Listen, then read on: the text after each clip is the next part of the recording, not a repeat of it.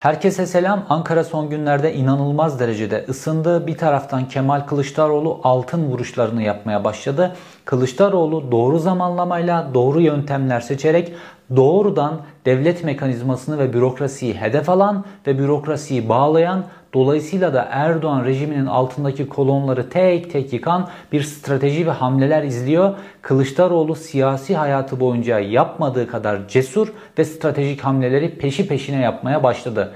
Diğer taraftan Meral Akşener'in de Kılıçdaroğlu gibi son derece cesur çıkışları var. Fakat Meral Akşener'in stratejisini kıran bazı parti içi gelişmeler ve bazı parti içi bağlayıcı konular var. Bir taraftan da bunlar var. Diğer taraftan Tayyip Erdoğan'ın yürüyememe problemi ya da yürüyememe gündemiyle ilgili meseleler var ki Adalet ve Kalkınma Partisi'nin tabanını da Adalet ve Kalkınma Partisi ile birlikte hareket eden devlet mekanizmasının parçalarını da darmadağın ediyor. Bununla mücadele için de Adalet ve Kalkınma Partisi'nin ve Erdoğan'ın yakın adamlarının belirlediği inanılmaz derecede saçma ve hatalı bir strateji var. Diğer taraftan Tayyip Erdoğan rejiminin önünde daha doğrusu Tayyip Erdoğan'ın önünde imzalanmayı bekleyen 6000 tane dosya var. Ve bu Tayyip Erdoğan rejiminin nasıl kilitlendiğini, nasıl hareket edemediğini, nasıl sonunun geldiğini ve kendi sonuyla birlikte de ülkeyi nasıl bir felakete sürüklendiğini gösteren son derece önemli bir gelişme. Tayyip Erdoğan'ın sağlığı, Ankara'daki sıcak gelişmeler ve Tayyip Erdoğan'ın önündeki 6000 dosya meselesiyle huzurlarınızdayım. Yine son derece önemli, bilgi dolu bir video ile karşınızdayım.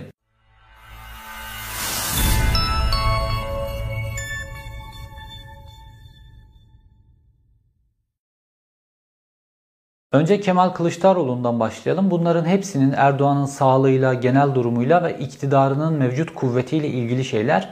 Kemal Kılıçdaroğlu Erdoğan'a altın vuruşlarını yapabilmek için doğru zamanlamayı başlamıştı. İktidarında bir kırılma olması gerekiyordu ki Kemal Kılıçdaroğlu esas yükleneceği noktadan Erdoğan iktidarına yüklensin ve o günün geldiği anlaşılıyor.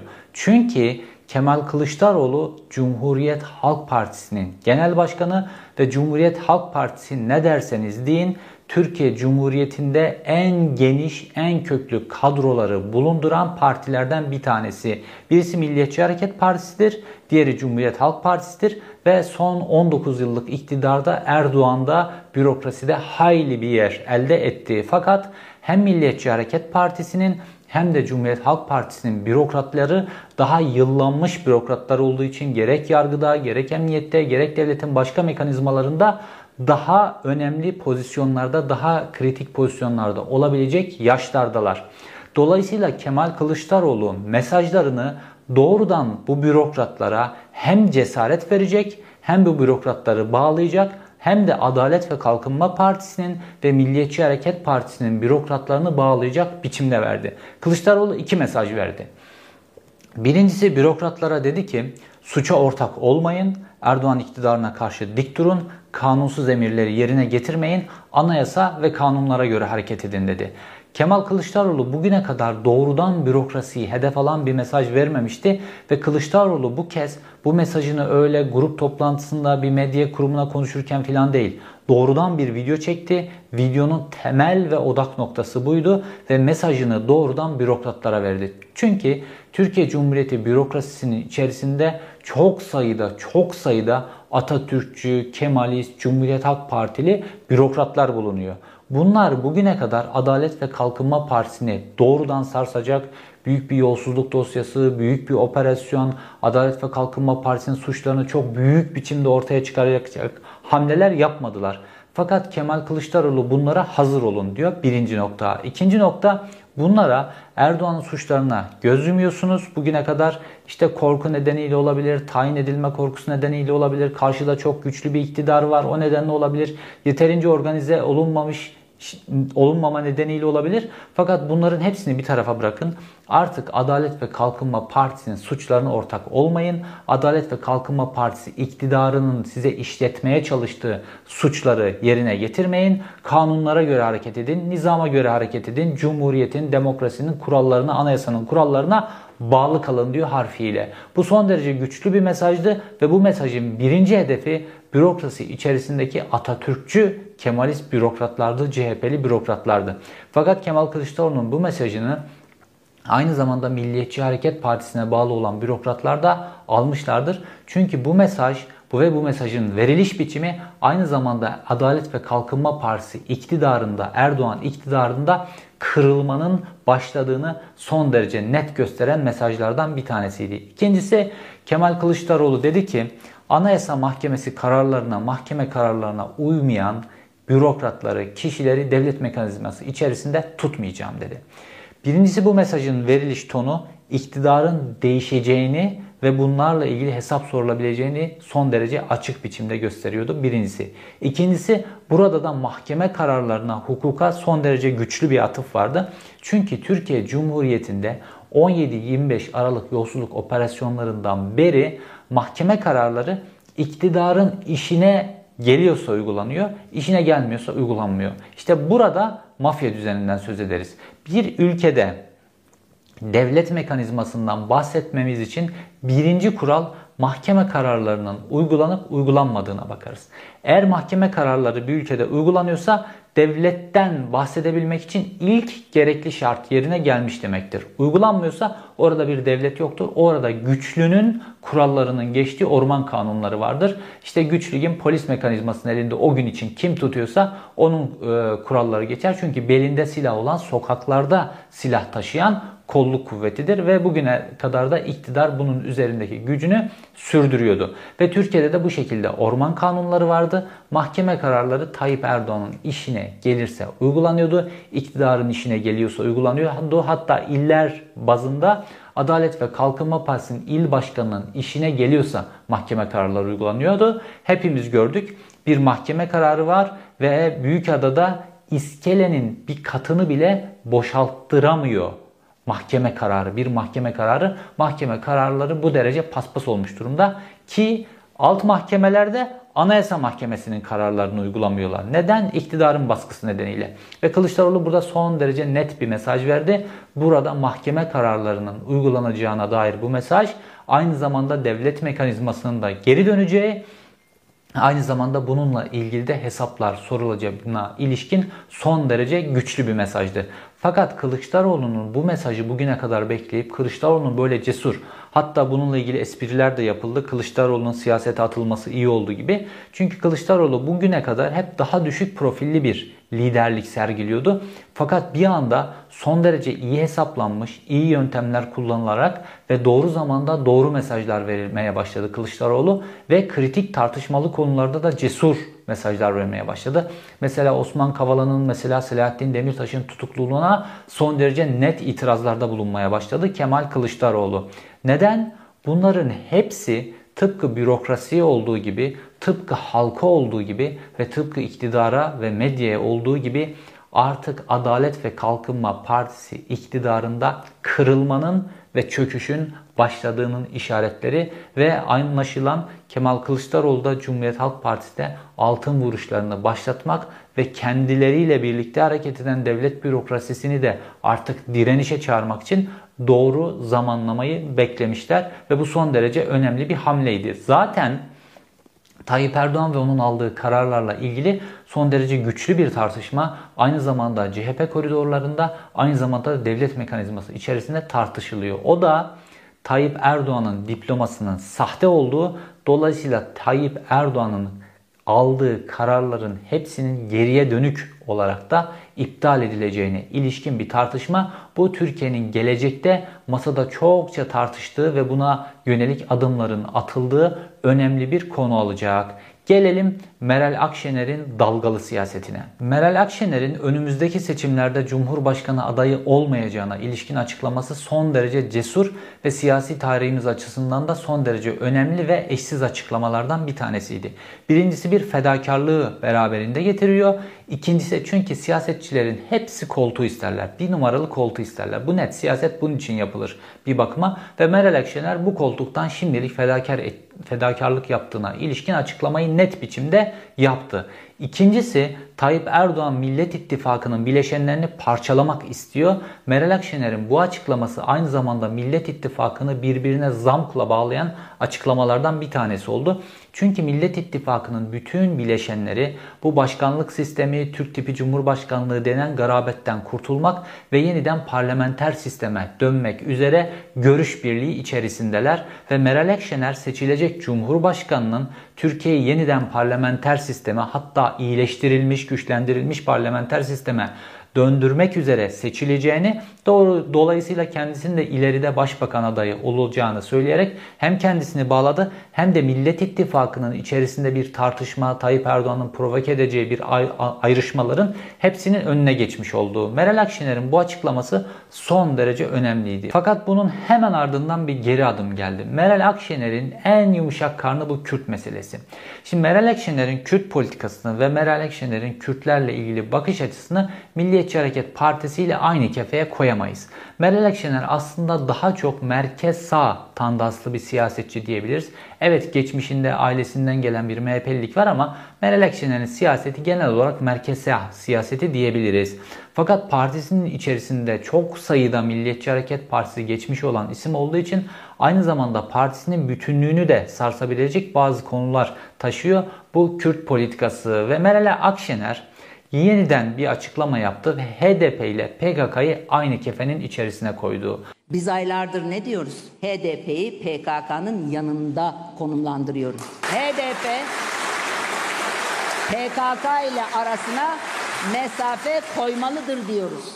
Normalde bu Tayyip Erdoğan'ın da yapmak istediği şey, Kandil'in de yapmak istediği şey. HDP ile PKK'yı aynı kefenin içerisine koyma konusunda e, Tayyip Erdoğan'la Kandil adeta görüş birliği içerisinde ve eylem birliği içerisindeler.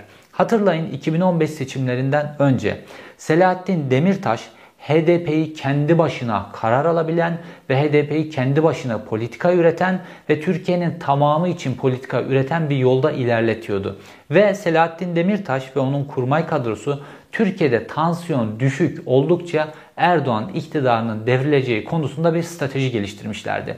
Ve 2015 7 Haziran 2015 seçimlerinden önce Erdoğan HDP kaynaklı, e, Kürt etnisitesi kaynaklı gerilimi yükseltebilmek için pek çok hamle yaptı. Hatta 7 Haziran seçimlerinin öncesinde HDP için en önemli miting olan Diyarbakır mitingini bombaladılar bile. Fakat buna rağmen Selahattin Demirtaş tansiyonu düşük tuttu ve Tayyip Erdoğan için 7 Haziran 2015 seçimleri hezimete geldi. Normalde tek başına iktidar olma yeteneğini kaybetti. Fakat sonrasında Tayyip Erdoğan özellikle Güneydoğu'da tansiyonu yükseltmek için bir taraftan çalıştı. PKK diğer taraftan çalıştı. İşte bu hendek süreci başladı. Güneydoğu şehirleri savaş alanına döndü ve Selahattin Demirtaş cezaevine gitti. Tayyip Erdoğan başkan olmak istiyordu. Başkan oldu ve dolayısıyla Tayyip Erdoğan ne istiyorsa Kandil ne istiyorsa o pozisyona yeniden dönüldü ve HDP siyaseti boğuldu. Aslında Türkiye HDP'ye ve bu Kürt meselesinde son derece önemli bir fırsat yakalanmıştı. Bu hem normalleşme fırsatıydı hem de HDP'nin Türkiye'yi de kapsayan politikalar üretecek fakat aynı zamanda ağır biçimde de temel meselesi olan bu Güneydoğu Kürt meselesini de e, kapsayacak biçimde politikalar üretebilecek bir fırsat vermişti bu. Fakat Tayyip Erdoğan eliyle Kandil eliyle bu fırsat bu oldu. Şimdi bu Tayyip Erdoğan'ın tazyiki, AKP'nin İyi Parti üzerindeki tazyiki ve İyi Parti içerisindeki Milliyetçi Hareket Partisi kökenli isimlerin tazyiki nedeniyle Meral Akşener HDP ile PKK'yı aynı kefeye koyuyor. Aslında Tayyip Erdoğan'ın ve Kandil'in istediği şey bu. Oysa HDP'ye PKK'dan bağımsız, herhangi bir başka bir yapıdan bağımsız olarak politika yapma fırsatı verebilecek bir ortam var ve bu Türkiye'nin de son derece yararına bir ortam. İşte Selahattin Demirtaş bu politikayı geliştirdiği için cezaevinde. Başka bir nedenle değil. Bu politikayı geliştirdiği için ve bu politika aynı zamanda Tayyip Erdoğan iktidarını da yerle bir edecek bir politika olduğu için Selahattin Demirtaş içeride.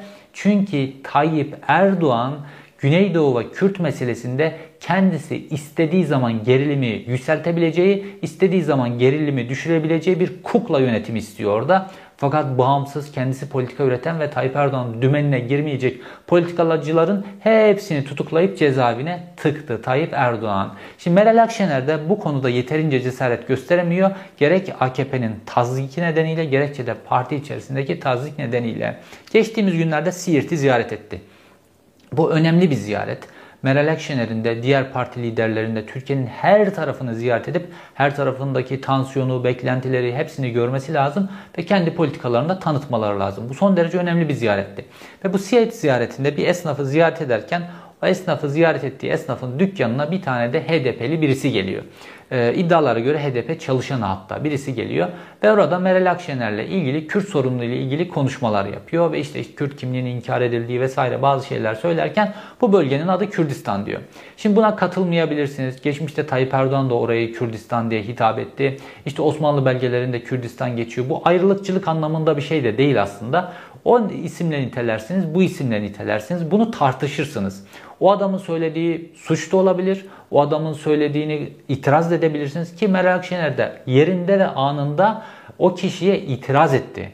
İtirazını kayıtlara geçirdi. Fakat ardından gerek iktidar tarafından gerekse de parti içerisinden tazikler belki tavsiyeler filan gelince Meral Akşener yeniden uzun süredir yapmadığı pozisyona döndü ve biz HDP ile PKK'yı aynı noktada konumlandırıyoruz dedi. Oysa bu son derece yanlış. HDP Türkiye Cumhuriyeti yasalarına göre kurulmuş legal bir parti mi? Parti. Bunun aleyhine bir mahkeme kararı var mı? Yok. HDP'ye milyonlarca insan, 10 milyona yakın insan neredeyse oy verdi mi? Verdi. O zaman HDP ile PKK'yı aynı noktaya koyamazsınız. Bu Tayyip Erdoğan'la Kandil'in istediği şey zaten HDP'nin bağımsız politika üretememesi ve HDP'yi terörize etmek. Fakat bunun, bu politikadan Meral Akşener uzun süredir uzak dururken bu Siirt ziyaretiyle yediği tazikle bu noktaya döndü. İşte bu tam da Tayyip Erdoğan'ın istediği şey. Oysa muhalefetin şu an temel olarak muhalefete gerekli olan şey cesaret. Muhalefetin cesur olması lazım. Çünkü karşıda korku rejimi kurmak isteyen fakat bunu bir türlü başaramayan korku rejimi kurma konusunda bile başarısız olan bir iktidar var. Fakat bunu zorluyor. Korku rejimi kurma çabalarını ya da korku rejimini kırabilmek için cesur olmak lazım. Cesaretten başka hiçbir yol yok. Mesela geçtiğimiz günlerde Cem Yılmaz Rüstem Batum'un programına katılmıştı. Rüstem abinin programına ve Rüstem abi de orada Osman Kavala ve Selahattin Demirtaş'ın tutukluluk meselesini sordu Cem Yılmaz'a. Cem Yılmaz lafı bin dereden dolandırdı. Oysa açık ve net biçimde söylemesi lazım. Kardeşim yanlış bu demesi lazım. Bu yalınlıkta söylemesi lazım. Herkes biliyor ki Cem Yılmaz bunu yanlış buluyor. Fakat bunu bu yalınlıkta kamuoyuna açık biçimde söyleyemiyor. Sanatçılar, e, sanat eseri üreten kişiler, toplumun gözünün önündeki kişiler cesur olmazlarsa bu korku rejiminden ülkeyi felakete götüren rejimlerden kurtulmak mümkün değil. Oysa kimse Cem Yılmaz'ı tutuklamaz. Kimse Meral Akşener'i de tutuklamaz. Kimse Kemal Kılıçdaroğlu'nu da tutuklayamaz. Tutuklayamazlar. Bu üçlüyü de tutuklayamazlar. Cesur olmaları lazım o zaman. Ama bakıyoruz ki sokakta Z kuşağı dedikleri belki de anlayamadıkları çocuklar, gençler daha cesurlar. Mesela geçtiğimiz gün oysa onların her biri tutuklanabilir. Yarın kapılarına tweet attıkları için bile tutuklanıyorlar. Ama o sokak röportajlarında görüyorsunuz ne kadar cesurlar. Geçtiğimiz günlerde bir tane genç bir kız yine Z kuşağı olarak adlandırabileceğimiz genç bir kız dedi ki 80 milyona kelepçeleri yetmez dedi. İşte muhalefetin ihtiyacı olan duruş bu korkusuzluk noktası. 80 milyona kelepçe yetmez. Ne kadar süper bir seçim sloganı olabilir. Belki muhalefetin sokakları bu afişlerle doldurup herkese cesaret vermesi lazım. İşte Kemal Kılıçdaroğlu bürokrasiye cesaret vermeye çalışıyor ya, Meral Akşener tabanına cesaret vermeye çalışıyor ya dalgalı biçimde olsa. İşte bu Z kuşağından bir genç bu cesareti verdi ve milyonlarca kez paylaşıldı bu video. Bu videoyu reklam olarak belki televizyonlara bastırmalı muhalefet partisi. Bu sloganı her yere astırmalı ve bu korku rejimini tamamen yerle bir etmeliler. 80 milyona kelepçe yetmez. Bu noktaya kadar gelemezler ve böyle bir güçleri de yok. Çünkü karşı tarafta kırılmanın olduğunu artık herkes görüyor. Muhalefet cephesinde konu böyleydi. Şimdi dönelim iktidar partisinin, iktidar partisinin içerisindeki sağlık sorunları, yürüyememe sorunları, bununla ilgili algılar ve başkanlık sisteminin nasıl kilitlendiğini gösteren Tayyip Erdoğan'ın imzalanmasını bekleyen 6000 dosya meselesine. İktidar cenahında ana gündem ne yapalım edelim de ekonomiyi konuşturmayalım, hayat pahalılığını konuşturmayalım, enflasyonu, mutfak enflasyonu konuşturmayalım. İktidarın şu anda ana gündemi bu. Bunun için sürekli konuları değiştirmeleri gerekiyor. Normalde geçmişte Tayyip Erdoğan istediği an ülkenin gündemini değiştirebiliyordu ve ellerinde de güçlü medya mekanizmaları vardı. Şu an Tayyip Erdoğan medyası tamamen paçavra olduğu için ve yeni medya organları ortaya çıktığı için, farklı medya organları ortaya çıktığı için şu an ellerinde böyle iktidar mekanizmasının elinde böyle gündemi değiştirebilecek mekanizmalar yok. Fakat muhalefette bir türlü Tayyip Erdoğan'ın gündemi kaçırmak istediği noktanın üzerinde durmuyor. O ne hayat pahalılığı. İşte TÜİK bazı enflasyon rakamları açıklıyor. Fakat bağımsız kuruluşların ortaya koyduğuna göre şu an Türkiye'de yıllık enflasyon %49. Bu yıllık enflasyonun %49 olması ne demek biliyor musunuz? 2023 seçimlerine geldiğinde artık o hep söyleniyordu ya halk fakirliği gerçekten hissetmedi. İşte halkın fakirliği gerçekten hissetmesi demek. Çünkü %49 enflasyon tahammül edilebilecek bir enflasyon değil. Fakat Tayyip Erdoğan bunu konuşturmak istemiyor. 128 milyar dolar nerede konusunu konuşturmak istemiyor. Muhalefette bir türlü bu konulara gelmiyor. Esas noktasını bu konuların üzerine oturtmuyor. İşte HDP ile PKK'yı aynı kefeye koyduk da koymadık da filan bu konuları konuşuyor. Bunların hepsi tali konular. Bunların hepsinin şu an hiçbirisinin konuşulmaması gerekiyor. Çünkü halkın ana gündemi bu. Ve Metropol'de geçtiğimiz günlerde bir açıklama yaptı. Halkın %85'i hayat pahalılığını tahammül edilemez noktada buluyor. Onun neredeyse yarısı da artık dayanamadıklarını söylüyorlar. Halkın çoğunluğunun ve Adalet ve Kalkınma Partisi'ne oy verenlerinin de ana gündemi hayat pahalılığı, enflasyon, döviz fiyatları. Bunun üzerinde durulması gerekiyor. Fakat iktidar, iktidar partisi gündemi istediği yönde değiştiremediği gibi sürekli değiştirme çabaları da ayaklarına dolanıyor. Neden? Çünkü kuvvet kaybettiler ve Tayyip Erdoğan'ın yürüyememe meselesi. İşte Tayyip Erdoğan'la ilgili çeşitli videolar yayınlanıyor. Neredeyse 6 aydır belki 1 yıldır de diyebileceğimiz süreçte Tayyip Erdoğan'la ilgili iktidar medyasının göstermek istemediği fakat bir biçimde cep telefonlarına katılan, takılan görüntüler, bir biçimde canlı yayınlarda verilen sonra kesilen görüntülerden Tayyip Erdoğan'ın yürüme ile ilgili bir problemi var. Ve bu iş öyle bir noktaya geldi ki artık Tayyip Erdoğan özel tabanlı ayakkabılar kullanıyor. Çünkü o ayakkabılar aynı zamanda hem dengesini hem de yürüme sürekliliğini sağlayabilen ayakkabılar. Daha doğrusu kaslar üzerinde kontrolü kolaylaştıran ayakkabılar olduğu görülüyor. Bunu uzmanlar da zaten uzun uzun sosyal medyada bu ayakkabıların hangi durumlarda neden kullanıldığını paylaştılar.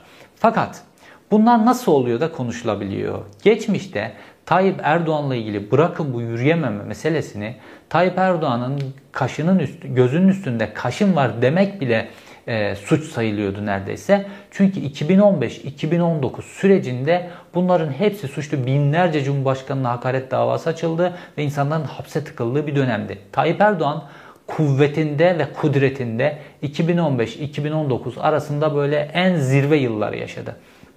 İktidarın en iyi yılları demiyorum. İktidarın ekonomi, uluslararası siyaset filan açısından en iyi yılları 2010 öncesi yıllardı. Fakat kuvvet açısından Tayyip Erdoğan'ın tap yılları 2015-2019 arasıydı. Fakat o süreç geçti. Adım adım kırılma başladı ve 2021'in artık sonlarına geldiğimizde artık Tayyip Erdoğan'ın beden sağlığından tutun da zihin sağlığına kadar her şey sosyal medyada korkusuzca konuşuluyor.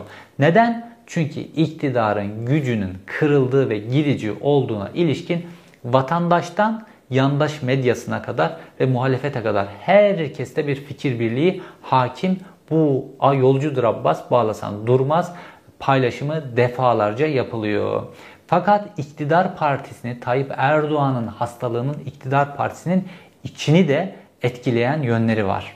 Erdoğan ve Erdoğan rejimi için Tayyip Erdoğan'ın böyle uluslararası liderlerle meşru bir lider gibi poz vermesi hep son derece önemli bulunmuştur. Aslında bu Erbakan siyasetinden gelen bir miras. Erbakan da bunu böyle uluslararası liderlerle aynı kareye girmeyi çok önemsiyordu. Tayyip Erdoğan daha da bunu abartı düzeyinde önemsiyor Tayyip Erdoğan. Ve uzun zamandır da Amerika Birleşik Devletleri başkanıyla bir türlü istediği samimi pozları veremiyordu. Ta ki G20 zirvesinde Roma'ya kadar. Roma'da istediği pozları bir biçimde gidip dokunarak, bir biçimde randevu kopartarak bu süreci e, tamamladı ve istediği pozları aldı. Fakat Tayyip Erdoğan bunu normalde içeride çok iyi satardı.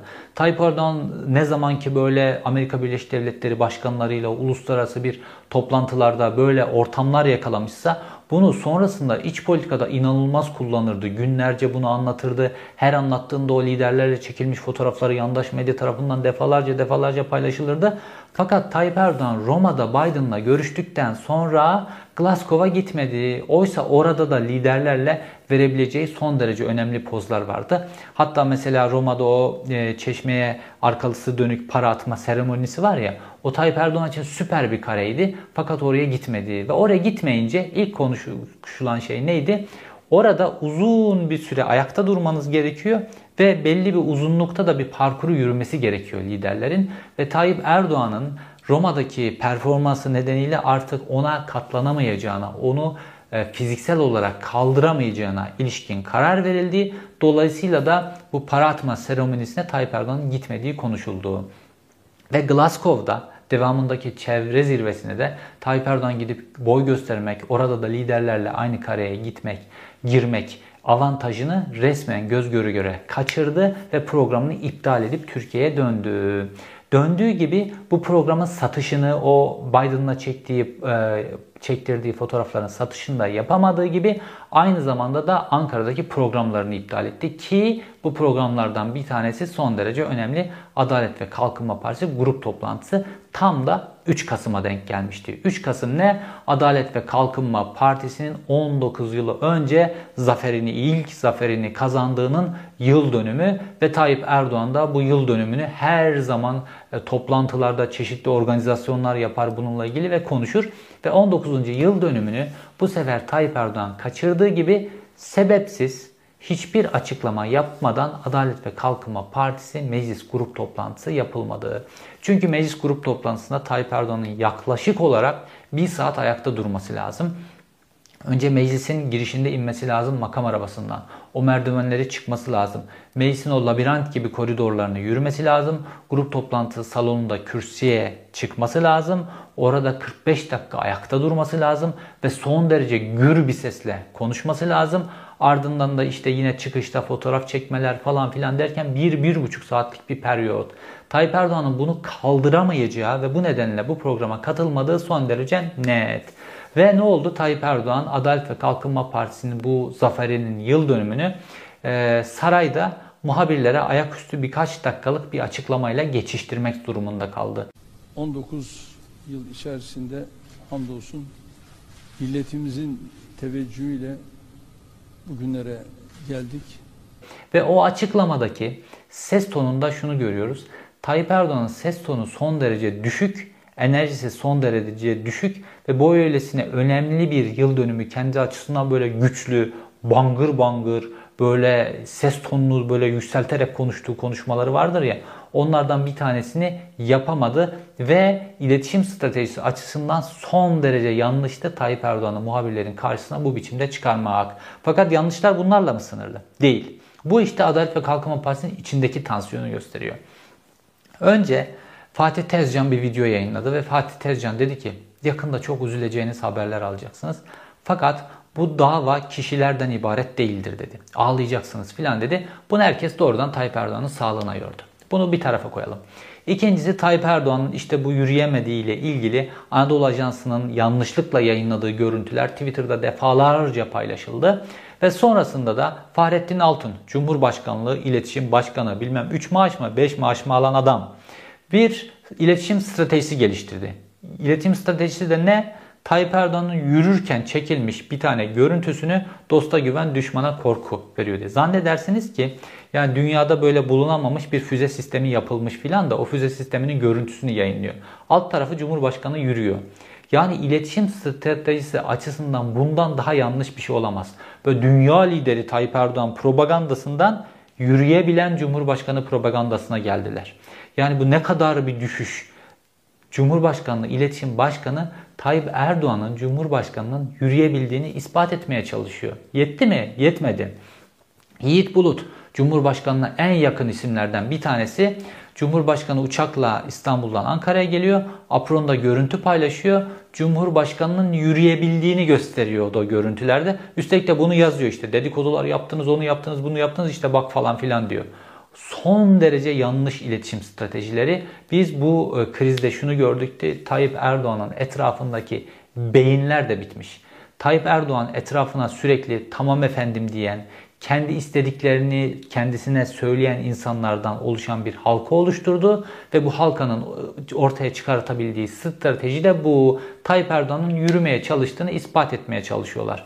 Bu ispat çabası ne yaptı biliyor musunuz? Tayyip Erdoğan'ın sağlığıyla ilgili daha çok polemiğin yapılmasına neden oldu. Ve bu polemikler artık öyle bir noktaya geldi ki ölmüş ölmemiş diye Twitter'da tagler açılmaya başlandı. Ve bununla ilgili daha yanlış bir iletişim stratejisi yaptılar. Ölmüş taginde paylaşım yapan Twitter'da 30 kişiyle ilgili soruşturma e, başlattılar ve bunların gözaltına alınması ile ilgili kararlar çıkartılıyor. Şimdi bakın daha önce tarih tekerrür ediyor ya.